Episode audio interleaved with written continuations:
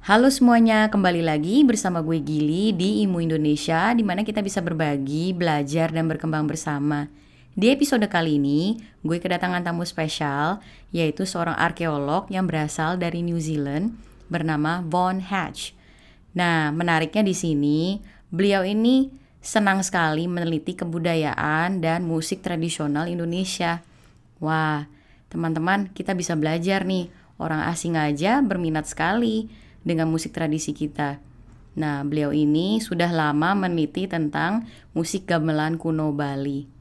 Penasaran kan? Yuk kita langsung aja. 3, 2, 1. Selamat siang. Selamat siang, uh, Om Swastiastu. Bapak Von Hatch.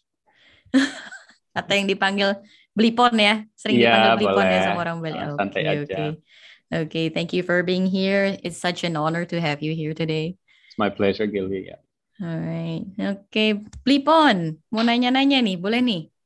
Boleh, silakan, selalu siap. Okay. Blipon nih, sejak usia berapa sih udah belajar musik sebenarnya?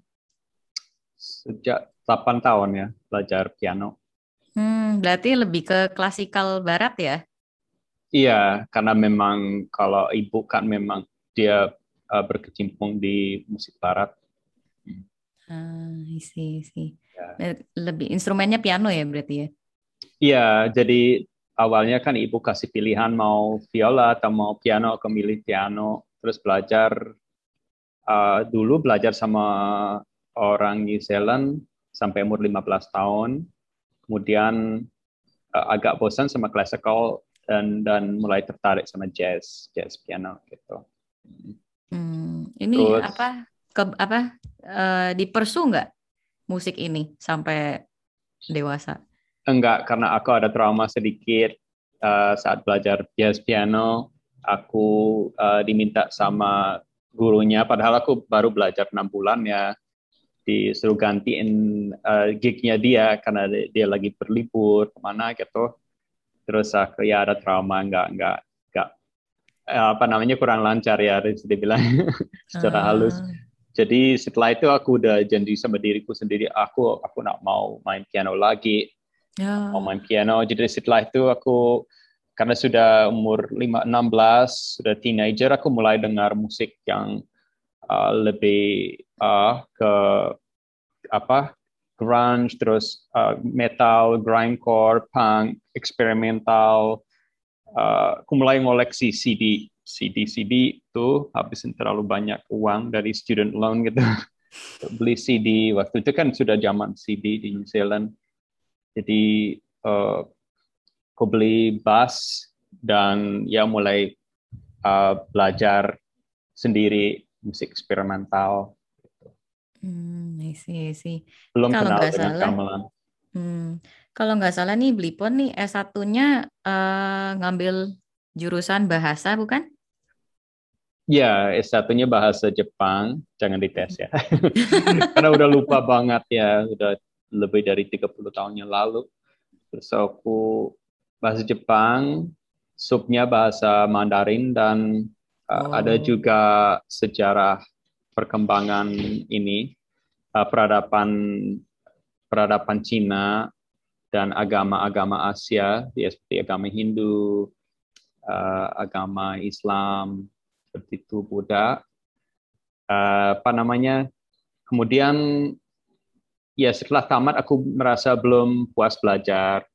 Jadi dapat uh, apa namanya kesempatan belajar di Otago. Karena waktu itu juga di Wellington belum ada jurusan yang aku inginkan. Itu arkeologi yang berbasis uh, linguistik.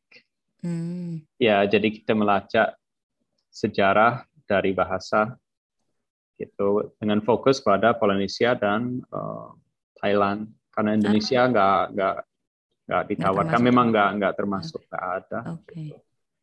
nah saat ah, kuliah di sana lah saya menemukan uh, gamelan. Ah I see I see.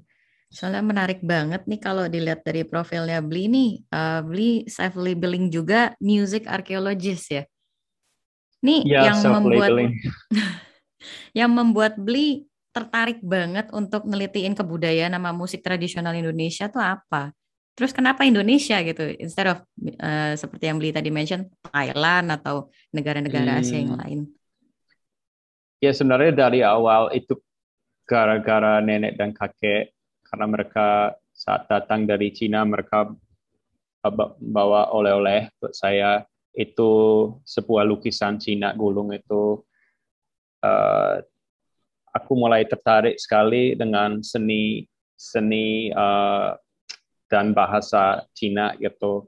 Bahasa ya Asia lah sudah mulai. Itu kayak pintu masuk ke Asia dengan lukisan itu. Aku mulai collecting di lampu-lampu Cina uh, apa namanya buku-buku tentang filsafat Buddha, Daoisme dan sebagainya. Udah beli dupa sudah sudah suka mulai apa meditasi. Itu sebelum aku kuliah ah. umur 16 tahun nah sampai di ya di mana pun tidak bisa belajar belajar bahasa Indonesia sampai ambil jurusan dan juga uh, arkeologi itu fokusnya kayak aku bilang Thailand. Kenapa Indonesia? Itu karena ada kesempatan belajar gamelan Jawa di ekstra ada ekstra saat kuliah di Otago itu gratis jadi kita bisa hmm. Bergabung di grup gamelan Jawa dan aku di apa namanya ditugaskan main gong ageng gong besar itu.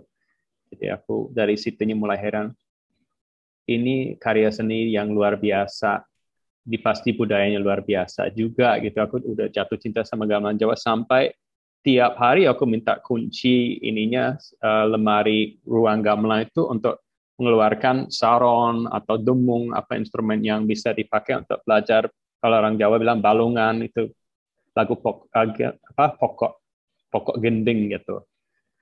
Nah, guru gamelan Jawa Pak uh, Joko Susilo dalang besar dari Solo, beliau bilang ke saya itu aneh, found you as very strange gitu. Nobody studies like by themselves gitu. Ya nanti datang aja ininya nggak usah uh, mana minta kuncinya gitu. Nanti kan ikuti notasi. Aku nak mau, aku pingin belajar sampai hafal, sampai uh, mulai apa merasa dekat sama instrumen itu. Jadi aku bisa ya kayak lebih mengenal instrumennya. Jadi aku sendiri sama instrumen duduk lihat oh ini perunggunya kayak gini, ini nadanya gini, ini cara mukulnya gitu. Itu dari awal. Tak kenapa aku tak tahu gitu. Memang suka banget. Dibilang aneh itu. Ini yang menarik lagi. As a foreigner, you speak a very very good Indonesian. Wow. Udah berapa lama sih sebenarnya udah residing di Bali nih, Bli? Terima kasih masih belajar sih. Itu udah sekarang sudah 24 tahun. Wow. Ya, sangat dibantu sama istri. Istriku kan ah. orang Bali, Putu Evi. Hmm. Terus sekarang aku justru belajar sama anak-anak anak-anakku kan anak campuran, tapi mereka sudah umur 15 tahun sudah bahasa gaul gitu.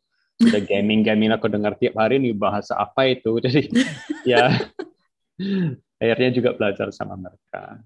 Hmm. Tapi bahasa Bali aku kan juga agak bisa bahasa Bali belajar di kampung sama orang. Tidak hanya di kampung juga di kota ya. Kalau orang guru-guru yang almarhum yang ajarkanku gender, terompong seperti itu, mereka uh, waktu itu tidak begitu bisa bahasa Indonesia atau sama sekali nggak bisa kalau di kampung. Jadi mestinya aku belajar bahasa Bali dan itu lebih susah karena belum ada kamus bahasa Bali. Sekarang sudah ada di tahun hmm. 1997 belum ada kamus. Hmm. Hmm. Nice, nice, nice. Good to know, good to know. Jadi ini kira-kira udah berapa lama nih Bli ngedalemin gamelan Bali kuno nih?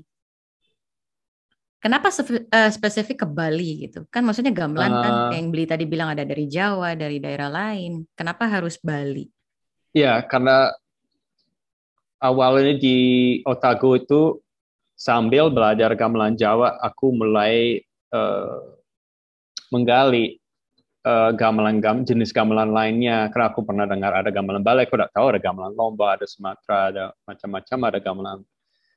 Uh, kebetulan di perpustakaan universitas itu koleksinya lumayan lengkap terutama gamelan Bali, ada CD-CD yang baru dibeli dan aku udah tahu saat itu CD-nya itu isinya eh, gending-gending Bali atau jenis orkestra gamelan Bali yang cukup langka dari zaman kerajaan dan pra kerajaan. Hmm.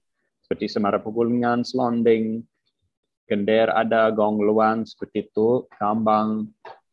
Uh, jadi aku waktu itu kan masih zaman Walkman, jadi aku pakai si Soniku saat belajar arkeologi di perpustakaan aku sudah salin itu CD ke kaset dengar tiap hari dan aku mulai jatuh cinta sama gamelan Bali. Aku udah yeah. tahu bahwa gamelan Bali jenis itu makin langka di Bali saat itu tahun tahun 90-an. Jadi uh, apa namanya? Aku dengar ada scholarship ke uh, ke Indonesia namanya program darah mahasiswa. Padahal sebenarnya aku ingin melanjutkan arkeologi di Jepang karena akan, akan hmm. menjurus ke bahasa Jepang. Jurusan pertama, tapi nggak ada jadi aku karena ada juga by default ada kesempatan belajar di Indonesia. Aku nanya apa boleh aku belajar di Bali? Dibilang boleh sih, tapi kamu akan menjadi orang pertama, terus akan agak sulit. Nah, kamu belajar itu bawa pulang, nggak begitu ada gunanya. Mau mau gimana kalau sudah bisa bahasa apa namanya bisa uh, gamelan Jawa, nanti kan bisa membantu untuk mengajar bersama Pak Pak gurunya gitu. Hmm. Ya aku nolak, aku bersikeras uh, untuk memperoleh cara mahasiswa ke Bali ke Denpasar dan ya dapat aku senang sekali aku masih ingat aku uh, kayak euforia banget aku dengar aku dapat uh, cara mahasiswa itu di tahun 97 ya 97 mulai di tanggal 26 Agustus belajar di STC Denpasar. Mm, so. That's how you met your wife then? Oh enggak, ya banyak orang salah salah salah sangka ya. Aku tidak tidak kenal sama istriku di di sekolah di di STC, tapi kenal dia di Bali. Mm. Itu kenal di sebuah hotel itu gara-gara saya meneliti gamelan tua, gamelan ah. legong yang sudah tua. Kebetulan ada salah satu hotel di Sanur namanya Tanjung Sari itu kayak butik hotel. Butik hotel yang pertama di di Bali atau di Sanur yang pertama. Jadi uh, ada ya, yayasan di sana didirikan sama uh, pemilik uh, dengan tujuan untuk melestarikan legong. Jadi beliau juga kolektor apa barang antik, punya gamelan yang antik yang tua. Aku ke sana mau mengukur laras itu akan sudah mulai meneliti. Itu tahun 2002. Terus kebetulan hmm. istri calon istriku waktu itu belajar legong, aku ingat belajar legong, jobok gitu, belajar uh, yang ada ceritanya Sugriwa Sebali itu, cerita Ramayana. Hmm. Ya dari situnya mulai mulai mendekati dia. Prosesnya apa? ya itu itu apa uh, kisah yang cukup panjang juga. gitu. sih, sih. Hmm. Ini menarik, ini menarik. Ini jadi Beli udah belajar sebegitu banyaknya, meneliti sebegitu banyaknya musik tradisi Indonesia ini, apakah sempat ngajar-ngajar juga di luar gitu untuk sempat. berbagi? Hmm. Uh, sempat, tapi uh, ya sempat bela uh, mengajar di Toronto di University of Toronto di tahun hmm. 2013 sebagai World Music Artist in Residence resident uh, bahasa Inggris kacau. Uh, bersama istriku Putu Evi dia ditari aku di gamelan gamelan Semara Pegunungan. Karena mereka ya walaupun aku orang asing ya mereka ingin mengundang orang dari Bali yang uh, mendalami dan apa meneliti gamelan golongan kerajaan yang mereka punya gamelan Semara Pegunungan itu Uh, kemudian aku juga pernah uh, adakan beberapa workshop di di New Zealand, kemudian juga seminar di Belanda, di Singapura, gitu. Ya hmm. pernah beberapa kali, tapi tujuanku sebenarnya untuk membantu sharing informasi yang aku dapat di desa-desa di Bali uh, kepada orang Indonesia di sini itu, hmm. khususnya orang di Bali, karena hmm. Kita kan tahu sendiri kalau kita menetap di Indonesia seberapa susah kita uh, bisa memperoleh informasi yang akurat, yang cukup lengkap gitu. Perpustakaan betul. saja kita kita kena punya. Memang betul, bisa dibilang betul. kita miskin perpustakaan dan museum di sini. Betul. Sedangkan betul. di negara lain ya mungkin maju ya, tapi mereka juga untuk pengarsipan, perpustakaan seperti itu itu sangat sangat kaya mereka. Itu hmm, sangat disayangkan justru, di sini. Justru yang sangat disayangkan betul. Setuju sih sama beli sih. Maksudnya kenapa uh, kalau di circle aku pribadi gitu lebih banyak orang-orang yang mengenal musik klasikal barat gitu. Karena kan memang secara pengarsipan jauh lebih lengkap gitu dan jelas gitu kan.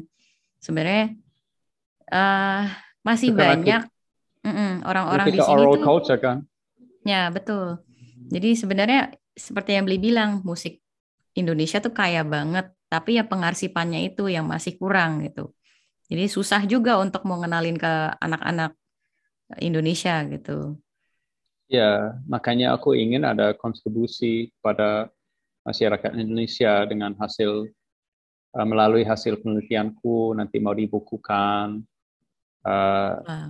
dan buku itu aku nak mau tuh nanti itu terlalu seperti kayak lama maunya uh, yang lebih dengan bahasa yang lebih bisa dicerna dan mungkin lebih ilustratif, ada videonya, ada audionya, gitu biar nak ya tidak seperti skripsi itu masih sampai sekarang aku lihat orang keluarkan buku-buku yang masih kayak zaman dahulu gitu masih di tahun 2021 masih keluarkan buku yang ada kayak hasil PhD atau gimana uh, oke okay lah kalau kita golongan akademik mau baca itu ya kita cukup puas ya tapi kalau kita cuma mau kita dari entry level itu kita perlu sesuatu yang agak lebih lebih enak dibaca tuh. Hmm, hanya dibaca tapi dilihat gitu. ke berbagai lapisan masyarakat ya. Iya, apalagi sekarang kan ini apa apa dibilangnya concentration span ya, daya konsentrasinya ya berapa detik sih? Udah swipe swipe Instagram atau TikTok kayak gitu. Jadi harus harus ada sesuatu yang bergerak yang akan membuat anak-anak kita uh, lebih tertarik aku juga merasa tertantang sekali sekarang dengan zaman uh, serba cepat dan instan karena anak-anakku juga seperti itu walaupun hmm. mereka dari kecil mengenal gamelan uh, tapi mereka sekarang di fase yang I don't like gamelan oh. okay. jadi uh, jadi justru waktu mereka kecil lebih ter tertarik sekarang di masa remaja mereka lebih lari ke kalau musik kalau mereka kalaupun mereka tertarik dengan musik pasti hip hop atau musik hmm. barat gitu. Hmm. I see, see. Oke, okay. ini kan beli kan uh, foundernya Mekar Buana Center kan ya? Yeah. Boleh cerita sedikit nggak sama teman-teman IMU di sini visi dan misinya beli itu apa pas bangun Mekar Buana Center ini? Ya itu mungkin aku bisa cerita sedikit sebelumnya sebelum Mekar Buana punya nama karena itu berasal dari sebuah seko ya kalau kita bilang perkumpulan di Bali di mana aku merasa beruntung sekali di tahun 98 99 dapat beli beberapa bilah kalau orang Jawa bilang wilah ya gamelan uh, perunggu gamelan tua yang kurang diperhatikan masih perlu direstorasi waktu itu dan aku uh, perbaiki gamelan itu atau minta orang perbaiki itu sampai suaranya sudah baik. Terus nadanya memang punya ciri khas ya karena itu gamelan tua. Jadi aku janji sama diriku sendiri, jangan gamelan itu sampai aku buat bawa ke luar negeri. Bagaimana caranya biar aku bisa diam di sini. Nah dari situnya aku mulai mengajar bahasa Inggris gitu untuk hidupkan hmm. uh, gamelan itu dan supaya dimain, dimainkan sama siapa pun sebenarnya tidak mesti hanya orang Bali tapi dimainkan sama orang yang ada di Bali gitu. Jadi aku kumpulin di rumah guruku di Peliatan waktu itu dekat Ubud. Dan mereka sudah mulai belajar gending yang di, dari luar desanya mereka, tapi yang gending yang sudah tua sekali, yang dari zaman kerajaan Denpasar, Badung gitu. Uh, dan aku sudah sudah senang banget. Belum ada nama, terus lama kelamaan melalui kursus, kursus bahasa Inggris saya buat sanggar kecil dinamakan Mekar Buana belum profesional dalam arti belum ada logo, belum begitu ada konsep. Aku hanya pengen gamelan itu dimainkan dan kita memainkan gedeng yang terancam punah ataupun yang sudah punah tapi diingat sama mungkin satu orang tua gitu. Nah setelah kenal sama istriku di tahun 2002 uh, di masa pacaran pun kita sudah sudah uh, apa namanya sudah memikirkan supaya Mekar Buana karena dia kan penari biar, ah, hmm. biar Mekar Buana punya uh, division dance division ya ada ada ada tariannya kemudian biar konsepnya lebih profesional. Nah sering orang salah sangka pikir karena ada orang bulainya maka Buana bisa ada uh, website yang berjalan, ada alamat email ada uh, apa namanya ada invoice-nya ada seperti itu hmm. gitu. Tapi itu sebenarnya gara-gara istri karena dia belajar di STP, belajar pariwisata, administrasi pariwisata, dia yang menata itu semua, memperbaiki hmm. konsep Mekar Buana. Jadi tanpa dia saya nggak bisa seperti itu. Jadi kita berdua merancang logo Mekar Buana nice. ini yang penuh dengan makna mungkin bisa diperhatikan tidak ada hmm. tulisan barat yang hanya ada aksara Bali yeah Mekar Buana.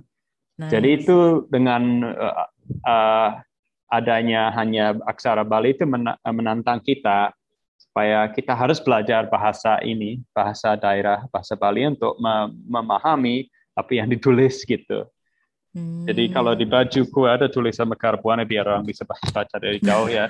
tapi kalau ini enggak ya. Tapi ini logo utuhnya. Uh, kemudian ada gong. Ini Ya, ini kayak gong. Kalau yang orang Bali bilang gayor atau sang-sangan gong. Ya, kelihatan seperti itu. Ya, kita ingin memang orang memahami gong. Kemudian ini instrumen yang hanya ada lima bilah. Ah. Namanya gang sedon limo. Kalau di pelegong, gamelan pelegongan. Itu waktu aku mulai meneliti itu uh, langka sekali.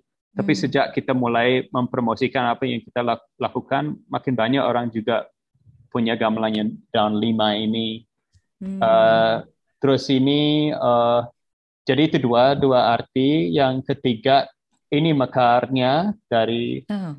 mekar. Ini buananya buana alit atau buana agung. Buana alit itu Bali, buana agung itu di luar Bali. Jika harapannya kesenian yang kuno akan mekar buana nice. dengan energi dari petir, langit dan uh, juga kan untuk hidupkan sesuatu perlu air, di laut. Yeah. Ya, jadi ini unsur buana gitu. Dan kebetulan hmm. aku sama istri lahir di pinggir pantai. Aku di New Zealand di pinggir pantai, istri ah. juga dari Sanur. Kalau boleh juga istri saya mungkin bilang bilang hai gitu. Yes, of course, of course. Boleh. Ya boleh. biar biar biar dikenal juga sebentar. Boleh. Karena oh. uh, huh? Oh, ya bisa sebentar lagi kalau mau bilang hai okay. Hai. Apa kabar? yeah. baik, Putu Evi? Terima kasih. Wah, iya, terima kasih juga. Iya, terima kasih juga saya. udah bersedia. Iya, terima kasih banget Putu Evi.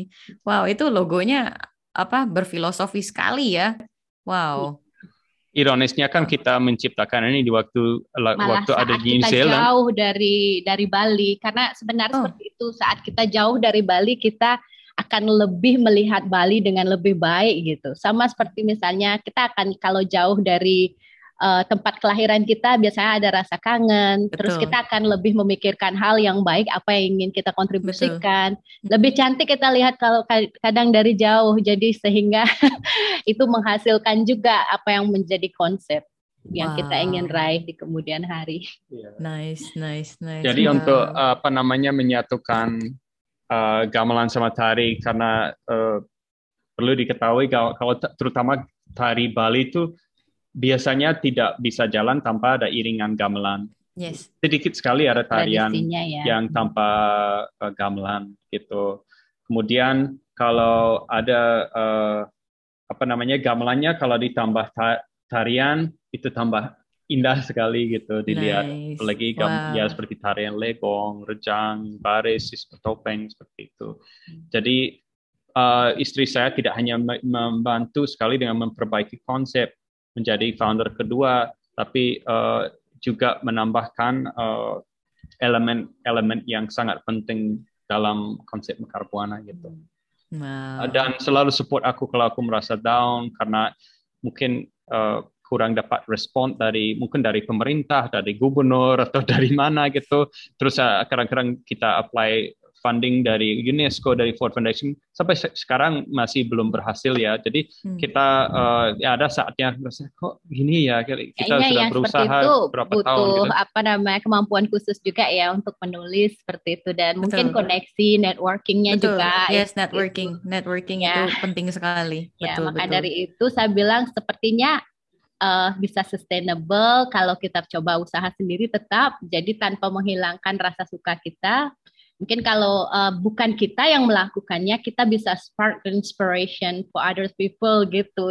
Intinya sih saya bilang it doesn't really matter because the happiness gonna stay still the same. Uh, yes. Akhir akhirnya pun akan akan sama juga gitu sih. Hmm, betul betul. Positive thinking. Tetap semangat, tetap semangat. Iya, ya. tetap boleh semangat. dilanjutkan ini sama Oke, okay, thank you Putu. Oke uh, oke. Okay, okay. Jadi seperti Evi bilang, uh, kita walaupun kita mungkin ada tantangan dalam arti kita untuk mengapply untuk dana dan sebagainya. Kita mungkin ada nasibnya harus, harus begitu karena kita harus berkembang secara organik. Bayangkan mungkin apalagi karena aku orang pulah orang bule memang kadang-kadang kita mungkin kalau aku ke sini tahun 97 terus langsung mau mendirikan sesuatu suntik jutaan dolar gitu aku mungkin uh, punya followers atau orang yang tertarik dengan apa yang kita lakukan yang hanya memikirkan uangnya saja, tidak tertarik dengan seni itu. Nah, setelah mereka lihat si Fon itu udah berapa tahun di sini sampai kayak apa berjamur dia gitu. Udah udah udah udah ubanan gitu. Akun ini nggak asli warna. ya jadi ya kok bisa dia kadang-kadang orang bilang itu kamu masih di sana ya kalau orang di luar negeri, you still there gitu. How do you how do you survive gitu kayak gitu. Hmm. Kamu mesti masih uh, bertahan gitu tanpa harus kerja di hotel atau apa-apa. Karena itu saking semangatnya aku mau dulu memang susah ke rumah-rumah ng ngajar bahasa Inggris. Akhirnya dapat kerja di English Town, ngajar bahasa Inggris online. Kayak gitu. I could I did anything to be able to stay here and biar secara legal gitu gimana caranya hmm. gitu dan biar surat-suratnya lengkap aku karena aku orangnya sangat anti KKN juga jadi aku uh, di samping surat-suratnya lengkap aku nak bisa terima suntikan dana dari si pejabat yang mau ininya tapi hmm. perlu suara ini kata nggak bisa jadi ya memang terus terang kita nggak pernah dapat bantuan besar seperti itu hmm. semuanya organik jadi tim yang kita punya sekarang yang ya semoga timnya nggak terlalu memudar sekarang gara-gara pandemi ya. Tapi uh, sebelum pandemi timnya kuat, kita punya aku bilang tim dalam arti aku punya uh, right hand uh, man uh, si Pur yang pernah diwawancara sebelumnya, terus adik-adiknya semua, kemudian hmm. ada uh, teman-temannya uh, di dalam grup itu sampai 30-an pemain itu untuk dua jenis gamelan. Kemudian kita juga punya grup keluarga yang uh, terdiri dari keluarga besar istriku, aku bilang keluargaku juga keluarga Bali, ada bapak, ada uh, tante, ada nisan, ada ipar, ada anaknya dan sebagainya. Itu apa namanya kita punya banyak support. Jadi hmm tidak hanya dari support dari keluarga di Bali, tapi keluarga di New Zealand, bapak, ibu membantu dengan fasilitas mekar buana karena mereka tahu kita nggak bisa terus no nomadin, nggak bisa terus kontrak kayak kayak kos besar tuh rumah rumah kecil itu. Akhirnya karena aku mulai ngoleksi masih gamelan dan membuatkan rancak rancakan itu, aku perlu tempatnya agak luas. Ini pun mekar buana sekarang tidak cukup besar karena kita sudah ada uh, sampai 20 set gamelan sekarang gitu, kebanyakan wow. gamelan tua dan semuanya beda-beda dan kita tidak bisa keluarkan atau menaruh se satu perang, uh, lebih dari satu perangkat, uh, mungkin dua perangkat bisa sekalian, lebih dari itu tidak bisa, jadi tidak bisa di, dilihat secara keseluruhan, hmm. gitu. Okay, uh, okay. Karena dari lama aku ingin memperlihatkan kepada dunia, khususnya uh, di dalam Indonesia dulu uh, bahwa Bali Indonesia tapi khususnya Bali itu uh, beraneka raga, ragam gamelan itu itu uh, beda-beda semua dalam arti sangat berbeda, tidak tidak ada yang yang sama satu sama lainnya beda.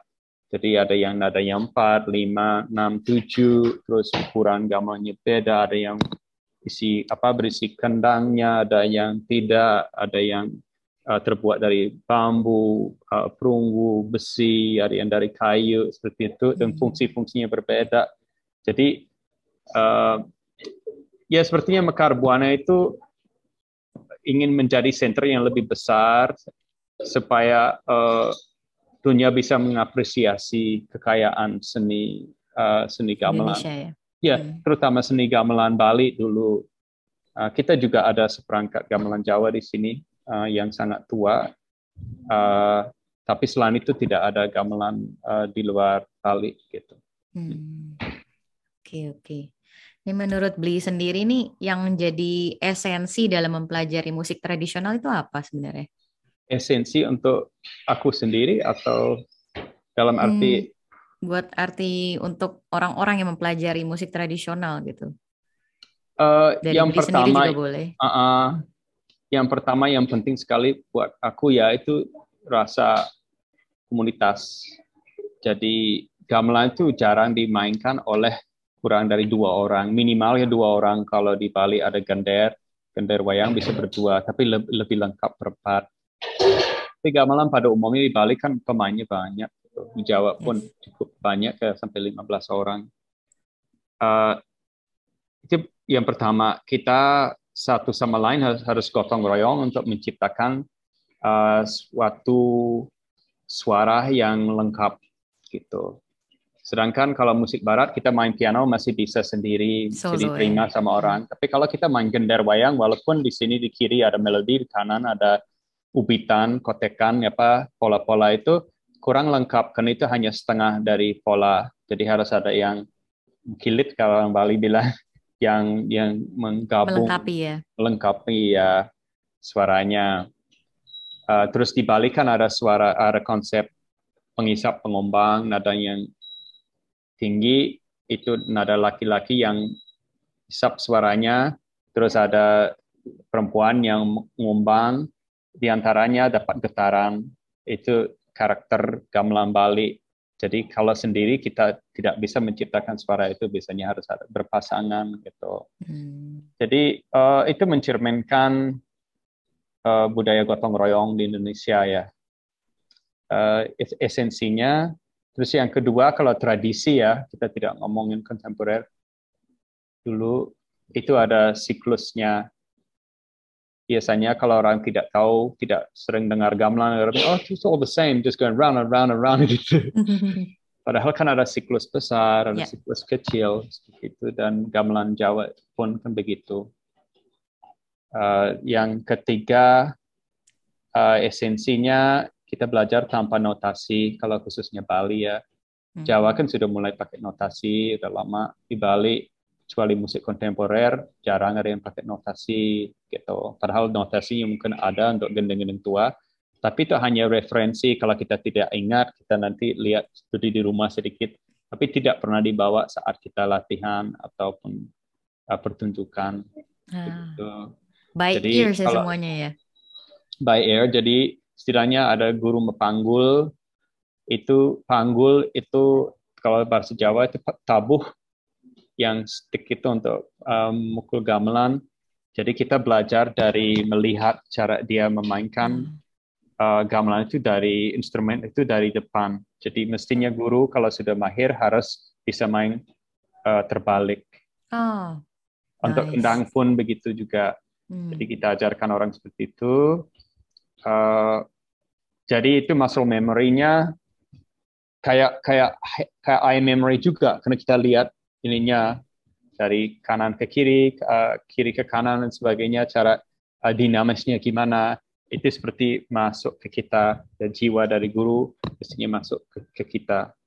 Jadi kita meresap um, gaya tidak hanya uh, cara memainkannya tapi gaya juga kita dapat dari guru guru mepanggul itu. Jadi uh, kira-kira nih beli nih ada wejangan nggak buat teman-teman IMU di sini kalau misalnya mereka juga pengen belajar alat musik tradisional?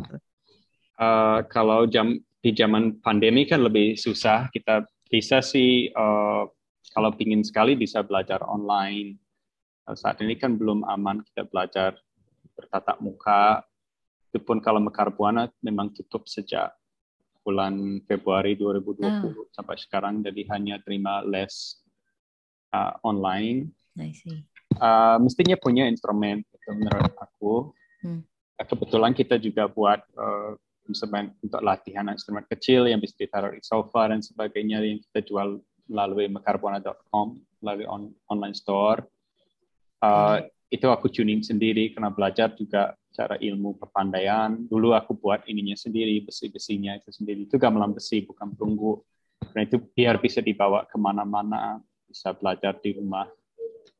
Gitu. Jadi mestinya punya instrumen, Uh, walaupun itu instrumen mungkin dari bambu atau gimana yang sederhana, uh, yang penting kita nadanya mungkin mendekati yang punya guru itu.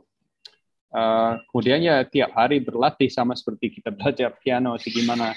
Tapi bedanya kita nggak belajar scale ya. Jadi skala itu tidak tidak di, dipelajari. Kita langsung biasanya gending kalau orang Bali uh, tidak. Karena orang Bali bukan karakter aku lihat mereka tidak belajar teknik dulu tak begitu yang penting gendengnya meniru gurunya kalau dari pengalaman kita um, ajarkan orang barat atau orang bukan orang Bali mereka ingin tahu tekniknya dulu oh. ya supaya bisa menutup uh, bila itu dengan kalau itu uh, ininya panggul atau tabu itu uh, dipegang di tangan kanan, jadi tangan kirinya uh, secara bersamaan menutupi uh, bilah yang habis dipukul gitu, supaya suaranya tidak uh, mengganggu gitu. Uh. Jadi ya kita mesti cari guru dulu menurut saya, cari guru entah itu privat atau mungkin belajar di bergrup. Uh, kalau tidak pandemi kan di di Bali banyak sekali ada sanggar mau di Mekar Buana mau di sanggar ada ribuan sanggar di Bali sekarang. Itu menjamur banget gitu. Tapi lebih gampang kalau kita pemula untuk, untuk belajar privat dulu baru bergrup. Kadang-kadang dari dinas kebudayaan ada les-les gratis gitu pas saat ah. libur gitu di di Denpasar tapi jelas yang karena kondisi begini tidak ada sekarang gitu. Tapi tidak semua anak-anak kan uh, merasa nyaman belajar bersama sama orang yang dia tidak hmm. kenal gitu, yang privat. Hmm. Karena kita ada murid yang dari Jakarta privat belajar gitu, setiap kali libur ke sini belajar karena mereka kakak beradik gitu belajar. Uh, jadi kita punya uh, instruktur, jadi mereka tidak belajar biasanya sama sama aku, tapi kita punya seperti aku bilang Sipur, uh, adiknya, terus ada juga guru-guru lainnya.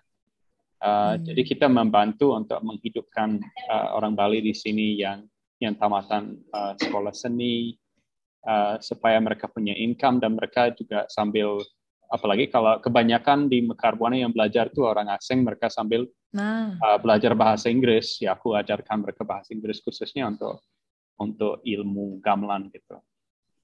Nice, nice. Blipon, kita udah di penghujung acara. Ini ada pertanyaan terakhir lagi. Satu pertanyaan terakhir. Apa nih yang menjadi impiannya Blipon ke depannya sebagai seseorang yang senang meneliti musik tradisi Indonesia, khususnya Bali? Ada beberapa ya. Yang pertama, aku uh, ingin supaya penelitianku bisa dikeluarkan dalam bahasa Indonesia dulu. Entah itu sebuah buku atau website atau e-book atau gimana yang uh, yang menarik supaya bisa dikonsumsi sama masyarakat luas di Indonesia dulu khususnya Bali. Setelah itu bahasa Inggris gitu. Itu pertama. Yang kedua supaya gendeng gendeng itu yang hilang di Bali tidak hanya gendeng ya tapi juga instrumen bahkan ada beberapa jenis orkestra Bali ensemble itu sudah punah jadi tinggal uh, mungkin ada apa namanya bukti tulisan saja di sastra dan sebagainya biar di, bisa direkonstruksi. Jadi uh, sebenarnya misi dan visi Karbuana itu salah satunya adalah uh, perekonstruksian. Itu sering kali itu uh,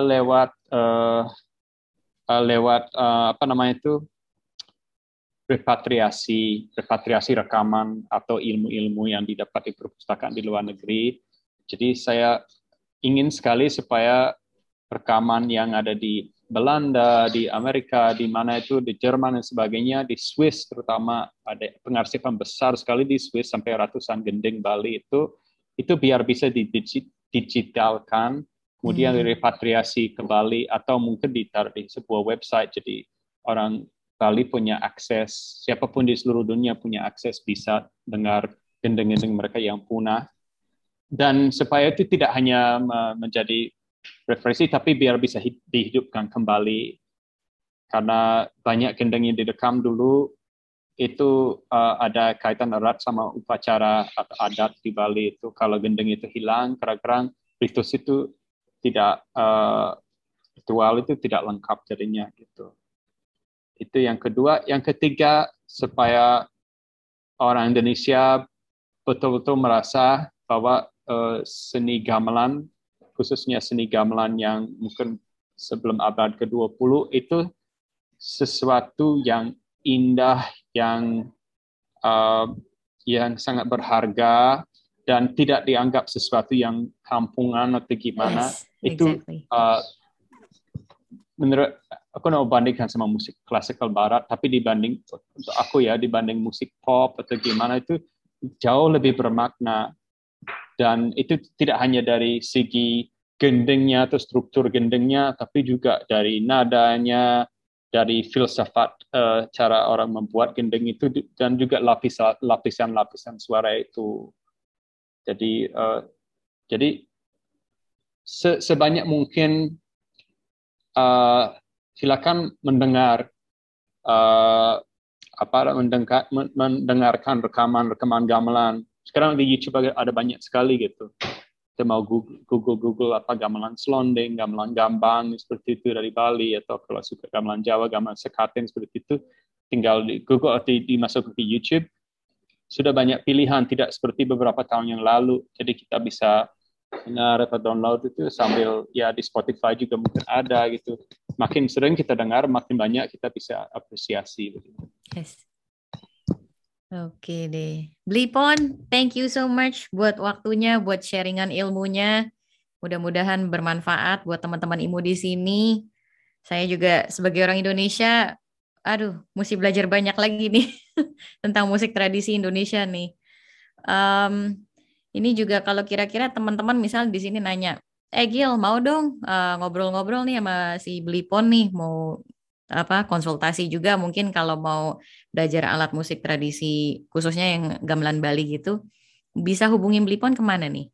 Oke email saja gitu ada info boleh, at Bali boleh Music tolong disebutin? Iya yeah, info at balimusicanddance.com. Oke. Okay. Panjang How ya. about the Instagram account? Instagram account is Mekar Puana. Puana pakai H ya, Mekar Puana nyambung underscore center. Tapi centernya ejaan Inggris ya R ah. E bukan ER gitu. Okay. Nanti mungkin Gili bisa bantu di, okay. nanti di pasti, hasilnya pasti. gitu. Jadi ya silakan. Ya terima kasih banyak uh, sudah sudah iya. mengundang saya. Saya senang Sama-sama. sekali. Ya, thank you juga Blipon. Semoga tetap sukses, tetap sehat. Ini impiannya akan tercapai Sekarang. soon. Yeah. Terima kasih untuk teman-teman Imu Indonesia yang telah menonton podcast kali ini. Jangan lupa klik like dan subscribe. Apabila merasakan manfaatnya, silahkan di-share. Dan apabila teman-teman ingin mengikuti perkembangan Imu Indonesia, silahkan follow kami di Instagram at imu underscore Indonesia atau juga bisa di Facebook page kita Intelligence and Music.